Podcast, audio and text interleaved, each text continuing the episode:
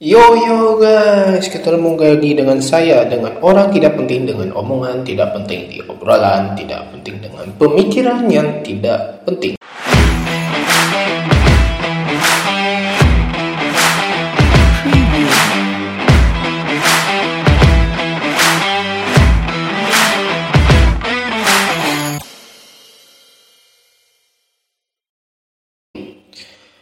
Konten pertama ini, bahasan yang ingin gue bicarakan yaitu apakah sains itu ilmu pasti dan apakah IPS itu ilmu tidak pasti? Ataupun sebaliknya, mari kita bahas satu persatu. Bahasan ini sangat menarik karena kalau kita lihat di fenomena masyarakat mengatakan bahwasanya anak sains atau anak IPA itu yang bukan anak yang pintar, jago ngitung, terus stereotipnya itu tentang anak pintar gitu. Ilmunya itu pasti ilmu pasti gitu Sedangkan anak IPS itu merupakan ilmu yang tidak pasti, teorinya banyak, banyak pendapat gitu dan dikatakan bahwasanya anak IPS itu anak-anak yang pemalas. Maaf kepada yang ikut anak IPS, ini merupakan stereotip masyarakat gitu. Kalau menurut opini yang gue ini, ini tidaklah benar. Kenapa? Akan kita bahas satu persatu.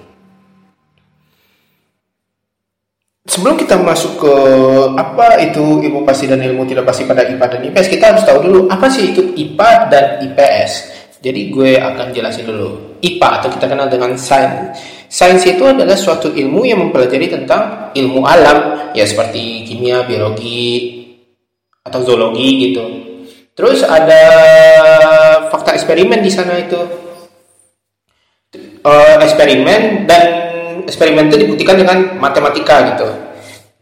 Sedangkan IPS itu adalah ilmu yang mempelajari tentang sosial, hubungan masyarakat, dan lain sebagainya. Terus gini teman-teman, orang-orang dulu mengatakan bahwasanya itu anak matematika itu masuk ke bagian pelajaran IPA. Terus apakah matematika itu termasuk ilmu sains atau ilmu IPS itu? Jadi menurut opini gue dia, ini opini gue aja ya. Jadi kalau IPA matematika itu masuk ke salah satu ilmu tentang universal itu, dia jadi bisa masuk ke IPA ataupun IPS gitu. Ya kita ambil contoh aja di pelajaran IPA itu ada pelajaran fisika ya. Itu fisika lah bagi teman-teman yang udah tahu kan itu banyak itu membahas masalah hukum Newton, hukum Newton sigma F sama dengan M kali A, terus uh, masalah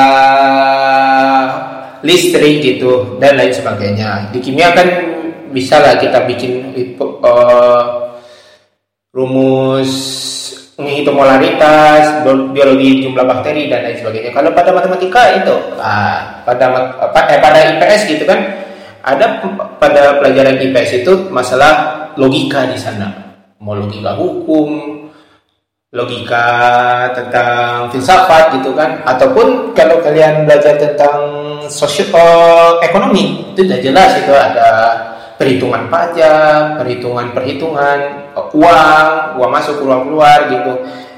Deposit dan lain sebagainya.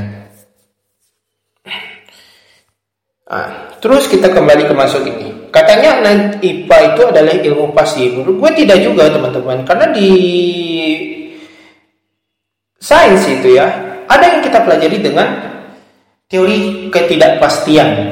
Hah? Kok teori ketidakpastian kita pelajari? Iya teman-teman tidak. Kita pelajari di IPA itu dipelajari tentang teori ketidakpastian. Jadi teori ketidakpastian tuh contohnya gini. Misal di perhitungan tuh ada tulisannya 3 plus minus 0,5 V. Misalnya contohnya. Nah berarti kan plus minus ini kan bisa di atas 0,5 berarti 3,5 ataupun 2,5 V. V itu kita anggap aja full gitu nah, jadi kan kalau misalnya ada plus minus kan berarti tidak pasti gitu ya. Kalau plus minus 3 tambah 0,5 ya 3,5 gitu atau 3 tambah plus minus 0,5 gitu kan 3,05 gitu. Ataupun ada teori Ketiga pasien itu ya kayak gitulah contohnya. Ada plus minus itu tuh. Plus minus itu kan menandakan tidak pasti gitu. Terus di pelajaran kimia nih. Di pelajaran kimia itu kita membuat larutan satu molar NaOH lah paling gampang itu Jadi kan kalau berdasarkan perhitungannya itu kalau disuruh dibikin satu liter NaOH kan berarti ditimbang 40 gram 40 gram dalam air satu liter. Tapi pada saat kalian udah kalian bikin ya, itu gue yakin kalian gak akan kebikin satu molar, bisa lebih ataupun bisa kurang.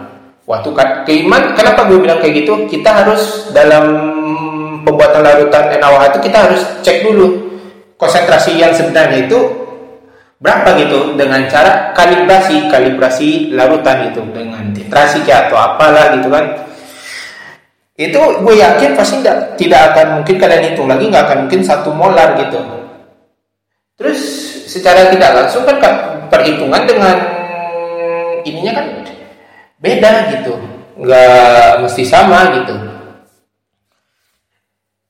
ini menerapkan teori nggak pasti gitu.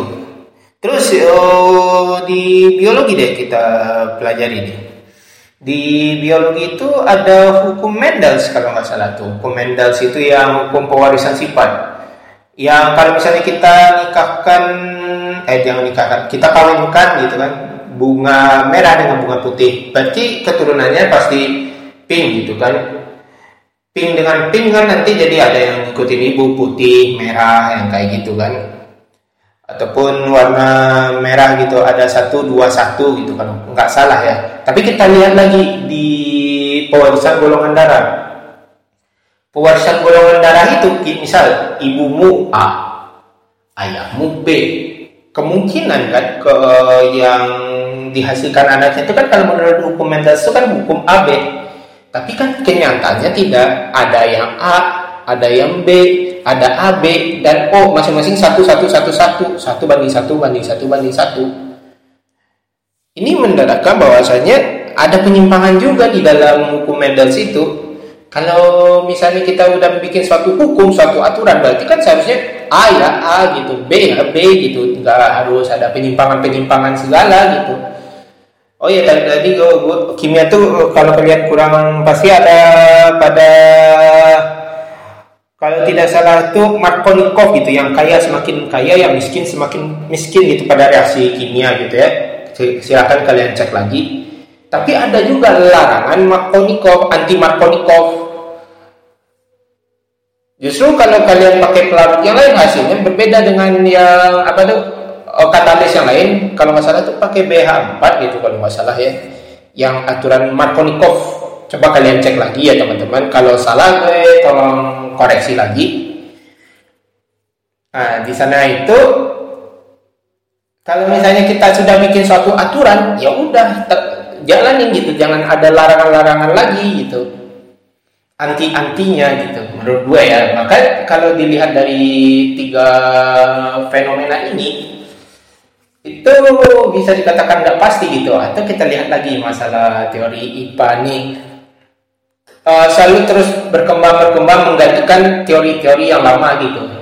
Ke menggantikan berarti kan secara tidak langsung kan eh, nggak uh, pasti juga gitu. Belum tentu benar juga gitu. Teori yang dikasihkan oleh para ahli-ahli yang dulu gitu. Kalau misalnya teori itu bakal digantikan lagi ini menurut pendapat gue ya, opini gue. Terus ilmu IPS, ilmu IPS itu dikatakan ilmu yang tidak pasti. Menurut gue juga tidak selalu benar gitu. Ilmu IPS itu bisa jadi pasti menurut gue tuh. Kenapa gue kasih contoh deh? Yang salah satunya dihukum. Misal hukum narkotika nih. Hukum narkotika itu ada di Undang-Undang Nomor 35 tahun 2009 tentang narkotika di pasal 115, 120, 125 untuk yang pengedar pembawa narkotika golongan 1, 2, 3. Nah, ini gue ambil salah satu di, di pasal 115 saja ya yang lebih gampang. Jadi pasal 1 eh pasal 1 ayat 1 eh pasal 115 ayat 1 setiap orang yang tanpa hak atau melawan hukum membawa, mengirim, mengangkat, mentransito narkotika golongan satu dipidana dengan pidana penjara paling singkat 4 tahun dan paling lama 12 tahun. Dari pidana denda paling sedikit 800 juta rupiah dan paling banyak 8 miliar rupiah. Yang kedua, dalam hal perbuatan membawa, mengirim, mengangkut atau mentransito narkotika golongan satu sebagaimana dimaksud pada ayat 1 dalam bentuk tanaman beratnya melebihi 1 kilogram atau melebihi 5 batang. Pohon beratnya adalah 5 gram. Pelaku dipidana dengan penjara seumur hidup. Atau penjara penjara paling sedikit 5 tahun dan paling lama 20 tahun. Dan pidana denda maksimum. Nah dilihat dari hukum ini. Udah ada kan ketetapannya? Kalau melanggar ya dapat masuk penjara gitu tergantung nanti pada fakta persidangan berapa lama tahanan yang dia terima gitu kan kalau secara tidak langsung ini kan udah pasti kalau kamu ketangkap kalau kamu bawa narkotika kamu ditangkap ada penjaranya gitu teman-teman ini alasan pertama gue kenapa ilmu IPS itu menurut gue itu bisa dikatakan ilmu pasti juga gitu. Yang kedua, kita lihat lagi pelajaran yang lain. Contohnya ilmu apa ya? Ekonomi deh, ekonomi deh. Ekonomi itu ya kalian udah jelas lah. Kalian hitung gitu. Misal PP yang paling gampang PPN. PPN 10% gitu. Kalian beli makanan, kenapa PPN 10%? Harga makanan 20 ribu, 10 nya berarti 2 ribu. Berarti kalian harus bayar 22 ribu pasti di sana kan udah itu jelas gitu kan PPN itu diatur dalam undang-undang gitu sekian sekian sekian gitu menurut uh, menurut Menteri Keuangan gitu mungkin ya gue kurang tahu kalau yang itu kan terus yang ketiga bisa kita ambil pelajaran ah, sejarah deh. Pelajaran sejarah kan udah ada cerita di dulu. Kalau udah terjadi di zaman dulu berarti kan secara tidak langsung udah terjadi gitu beneran gitu. Faktanya ya kayak gitu. Misal sejarah Indonesia merdeka Indonesia merdeka tahun 17 Agustus tahun 45 ya waktu saat Soekarno menyampaikan proklamasi gitu. Udah terjadi kan di zaman dulu dijadikan sebuah sejarah. Fakta kan itu. Berarti ini menandakan bahwasanya bahwa sejarah itu ilmu pasti gitu. Karena udah pernah terjadi. Dan itu pasti itu. Terus yang keempat gitu pelajaran tentang sosiologi deh. Sosiologi kita ambil deh tentang kelompok sosial. Menurut para ahli ya, kita ambil Swedono Soekanto ya jadi kalau menurut Soejono Soekanto itu kelompok sosial itu sebagai himpunan atau kesatuan manusia yang hidup bersama karena adanya di antara mereka. Hubungan itu bersifat timbal balik yang saling mempengaruhi dan menimbulkan kesadaran untuk saling menolong. Terus kalau menurut yang ahli kedua gitu Paul Beharton dan Charles L. Hunt. Jadi kalau mengatakan bahwasanya kelompok sosial itu adalah kumpulan manusia yang sadar dan keanggotanya sering serta saling berinteraksi dari dua pen, dari saling berinteraksi. Dari dua pendapat ahli ini memiliki maksud yang sama gitu. Kalau memiliki maksud sama walaupun diksinya atau omongannya itu agak agak berbeda, tujuannya itu intinya sama gitu. Ya kumpulan orang gitu. Itu kan kalau permainan diksi itu bisa jadi ya pasti gitu. Ya kelompok sosial itu adalah kumpulan orang gitu. Ya tergantung dari opini dari otak kalian masing-masing gitu. Itulah mengapa gue mengatakan jangan selalu menstereotip seseorang apakah ini patut selalu pasti ataupun ilmu IPS itu selalu pasti gitu. Karena itu tuh bergantung juga dari fakta-fakta eksperimen kalau di sains itu kan bergantung fakta-fakta eksperimen gitu. Uh, seperti di sains kan di uh, ilmu tadi kan katanya ilmu pasti. Gue kasih contoh lagi yang kalau di sains itu efisiensi alat gitu secara perhitungan kayak gitu kan bisa jadi turun ataupun naik gitu efisiensi suatu alat gitu.